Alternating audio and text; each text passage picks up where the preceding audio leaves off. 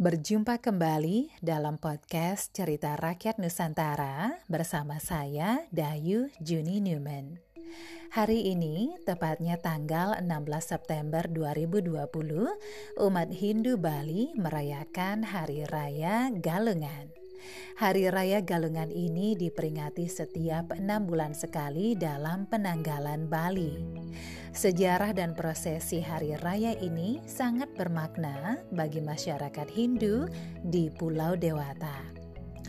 Dalam kalender Bali, satu bulan terdiri dari 35 hari, sehingga galungan dirayakan setiap 210 hari, tepatnya pada hari Rabu atau Bude Kliwon Wuku Dungulan.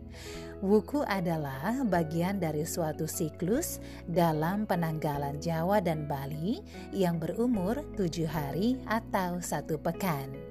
Siklus wuku berumur 30 pekan atau 210 hari dan masing-masing wuku memiliki nama tersendiri. Perhitungan wuku yang dalam bahasa Jawa disebut pawukon masih digunakan di Bali dan Jawa terutama untuk menentukan hari baik dan hari buruk. Sementara itu, kata galungan sendiri berasal dari bahasa Jawa kuno yang berarti bertarung atau menang. Galungan juga berasal dari kata dungulan yang berarti menang. Dalam kalender Bali, wuku ke-11 bernama Dungulan, sedangkan di Jawa bernama wuku Galungan.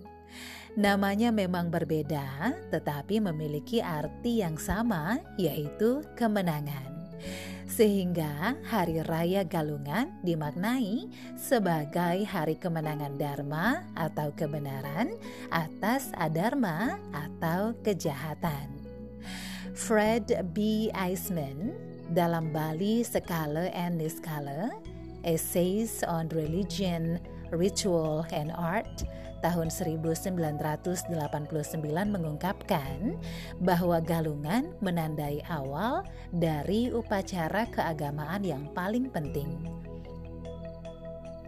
Rakyat Bali percaya bahwa roh para leluhur akan pulang ke rumah di hari Galungan dan menjadi kewajiban bagi mereka untuk menyambutnya dengan doa dan persembahan. Menurut lontar Purana Bali Dwipa, Hari Raya Galungan pertama kali dirayakan pada hari Purnama Kapat, tepatnya Buddha Kliwon Dungulan, tanggal 15 tahun Saka 804 atau 882 Masehi. Namun, ritual perayaan ini sempat terhenti selama bertahun-tahun. Akibatnya, raja-raja yang berkuasa di Bali kala itu banyak yang wafat dalam usia muda. Selain itu dikisahkan dalam lontar Srijaya Kesunu, Pulau Bali juga terus-menerus diguncang berbagai bencana. Hingga akhirnya pada masa pemerintahan Raja Srijaya Kesunu, perayaan Galungan diadakan kembali. Srijaya Kesunu memerintahkan rakyatnya untuk menyelenggarakan upacaranya untuk bumi seperti dahulu kala ketika leluhur beliau memerintah Pulau Bali yang menyebabkan negara aman dan tentram, terhindar dari penyakit serta bahaya yang menyulitkan. Nah, perayaan galungan ini terus dilakukan dan diadakan secara turun-temurun hingga saat ini. Di sisi lain, ada kisah berbalut mitos yang dipercaya oleh umat Hindu Bali tentang awal mula perayaan Galungan. Bagaimana kisahnya? Jangan beranjak dulu, simak terus info budaya dalam podcast Cerita Rakyat Nusantara sampai tuntas nanti. Sejarah Hari Raya Galungan berawal dari kisah seorang raja pada zaman dahulu yang sakti mandraguna, keturunan raksasa yang memerintah jagat Bali. Raja tersebut bernama Maya Denawa. Maya Denawa seorang raja yang kejam, karena kesaktiannya yang tidak terkalahkan, menganggap dirinya adalah dewa yang patut disembah oleh rakyatnya. Kesaktiannya tersebut diperoleh karena keteguhan dan ketekunan imannya memohon kepada Dewa Siwa agar diberikan kesaktian dan agar bisa merubah wujud. Karena kesaktian, kesombongan, dan keangkuhannya, Maya Denawa bisa menguasai seluruh Bali, bahkan meluas sampai ke wilayah Lombok, Sumbawa, Bugis, dan Blambangan dengan mudah. Raja yang kejam ini tidak memperbolehkan rakyatnya untuk menyembah dewa dan menghancurkan pura yang ada. Rakyat tidak berani menentang karena kesaktian dan kekejamannya. Rakyat dihantui rasa ketakutan yang mendalam yang membuat kehidupan mereka sengsara tersebutlah seorang pendeta bernama Sangkul Putih atau Empu Sangkul Putih yang juga merupakan pemangku agung di Pura Besaki. Melihat situasi seperti itu, beliau menjadi sedih karena pura yang ada dihancurkan dan kondisi rakyat yang serba ketakutan. Akhirnya sang pendeta melakukan meditasi atau tapa yoga di Pura Besakih untuk memohon petunjuk dari para dewa. Dalam tapa yoganya, beliau mendapat petunjuk dari Dewa Mahadewa agar beliau pergi ke Jambu Dwipa atau Hindia untuk meminta bantuan. Akhirnya, bantuan datang dari India dan juga Kahyangan yang dipimpin oleh Dewa Indra untuk memerangi Maya Denawa dan pasukannya. Maya Denawa sudah mengetahui kedatangan tersebut karena memiliki banyak mata-mata, mempersiapkan pasukannya dengan baik sehingga terjadi perang dahsyat dan banyak yang tewas di kedua belah pihak. Tapi akhirnya pasukan Maya Denawa mulai kalah dan berlarian meninggalkan medan peperangan. Mengetahui hal ini, Maya Denawa merencanakan daya upaya licik untuk menghancurkan pasukan Kahyangan. Pada saat jeda perang di malam harinya, karena kesaktiannya bisa merubah wujud, Maya Denawa menyusup ke dalam pasukan Dewa Indra dan memberi racun pada sumber air. Agar tidak ketahuan, maka Maya Denawa mengendap-endap berjalan memiringkan kakinya dengan hanya menggunakan sisi kakinya saja sehingga tempat tersebut dikenal dengan nama Tampak Siring. Pada pagi harinya, pasukan kahyangan yang meminum sumber air tersebut keracunan.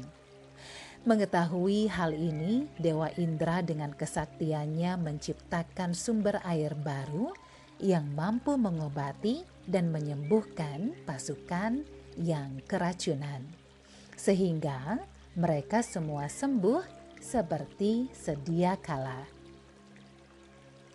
Sumber air tersebut sekarang dikenal dengan nama Tirta Empul sedangkan tempat mengalirnya sungai tersebut dinamakan Sungai Pakerisan. Setelah mereka pulih, kembali melakukan pengejaran kepada pasukan Maya Denawa. Dalam pelariannya, Maya Denawa juga sempat bersembunyi di sebuah gua, sehingga tempat tersebut dinamakan Goa Maya Denawa. Dalam pelariannya, Maya Denawa beberapa kali merubah wujudnya agar tidak dikenali oleh musuh. Seperti sempat merubah wujud menjadi seekor burung besar atau manukraya sehingga tempat tersebut menjadi desa Manukaya. Namun dengan kesaktian Dewa Indra, semua usaha dari Maya Denawa dalam berubah wujudnya berkali-kali hanyalah usaha yang sia-sia dan Dewa Indra mampu membunuh Maya Denawa. Dan kemenangan Dewa Indra melawan Maya Denawa inilah disimbolkan sebagai kemenangan kebaikan melawan kejahatan yang diperingati sebagai Hari Raya Galungan. Dari sinilah sejarah Hari Raya Galungan tersebut diturunkan dari generasi ke generasi sampai sekarang ini. Seperti yang digambarkan dalam mitologinya, Hari Raya Galungan dirayakan untuk memperingati kemenangan Dewa Indra melawan Maya Denawa atau kebaikan melawan kejahatan. Dharma melawan adharma. Secara rohani, manusia mengendalikan hawa nafsu yang sifatnya mengganggu ketentraman batin yang nantinya berekspresi dalam kegiatan sehari-hari baik secara individu maupun kelompok. Hawa nafsu dalam diri kita dikenal dengan nama kala tiga, yaitu tiga macam kala secara bersama-sama dimulai sejak hari Minggu sehari sebelum penyajahan, hari Senin, dan berakhir hari Selasa atau penampahan galungan. Yang dimaksud dengan tiga kala itu adalah yang pertama, kala amangkurat yaitu nafsu untuk selalu ingin berkuasa, ingin menguasai segala keinginan secara batiniah, dan nafsu ingin memerintah. Apabila tidak terkendali, akan tumbuh menjadi nafsu serakah untuk mempertahankan kekuasaan, sekalipun menyimpang dari kebenaran. Yang kedua adalah kala dungulan yang berarti segala nafsu untuk mengalahkan semua yang dikuasai oleh teman kita atau orang lain. Dan yang ketiga adalah kala galungan, yaitu nafsu untuk menang dengan berbagai dalih dan cara yang tidak sesuai dengan norma maupun etika agama. Menyambut Hari Raya Galungan, kita sebagai umat Hindu hendaknya dapat mengendalikan tiga nafsu tersebut sehingga kemerdekaan spiritual tercapai. Sebagai simbol kemenangan dan rasa syukur, sehari sebelum galungan, umat Hindu menancapkan penjor di pintu gerbang atau jalan masuk halaman rumah yang mempunyai makna segala sumber kehidupan disediakan di bumi. Penjor sebagai lambang gunung yang merupakan segala sumber kemakmuran yang diperlukan oleh seluruh makhluk. Gunung sebagai sumber sandang, pangan, dan papan, penghasil udara dan air, oleh karena itu disimbolkan dengan penjor dan segala hiasannya dilengkapi dengan hasil bumi seperti umbi-umbian, buah-buahan, dan dilengkapi dengan kain putih kuning yang melambangkan keheningan, ketulus ikhlasan, dan kesucian rohani. Hari Raya Galungan juga merupakan hari pewedalan jagat atau hari ulang tahunnya jagat raya. Oleh karena itu, umat Hindu di hari Galungan melaksanakan upacara menghaturkan sesajen sesuai peruntukannya yang ditujukan sebagai ungkapan rasa bakti, sujud, kagum, dan syukur terhadap jagat raya ciptaan Tuhan. Demikianlah info budaya dalam podcast cerita rakyat Nusantara kali ini tentang Hari Raya Galungan. Semoga menambah pengetahuan dan wawasan kita mengenai Hari Raya Galungan yang jatuh tepat hari ini 16 September 2020. Selamat merayakan hari kemenangan. Semoga damai sukacita selalu menyertai. Saya Dayu Juni Newman pamit. Kita bertemu kembali dalam podcast Cerita Rakyat Nusantara berikutnya. Sampai jumpa.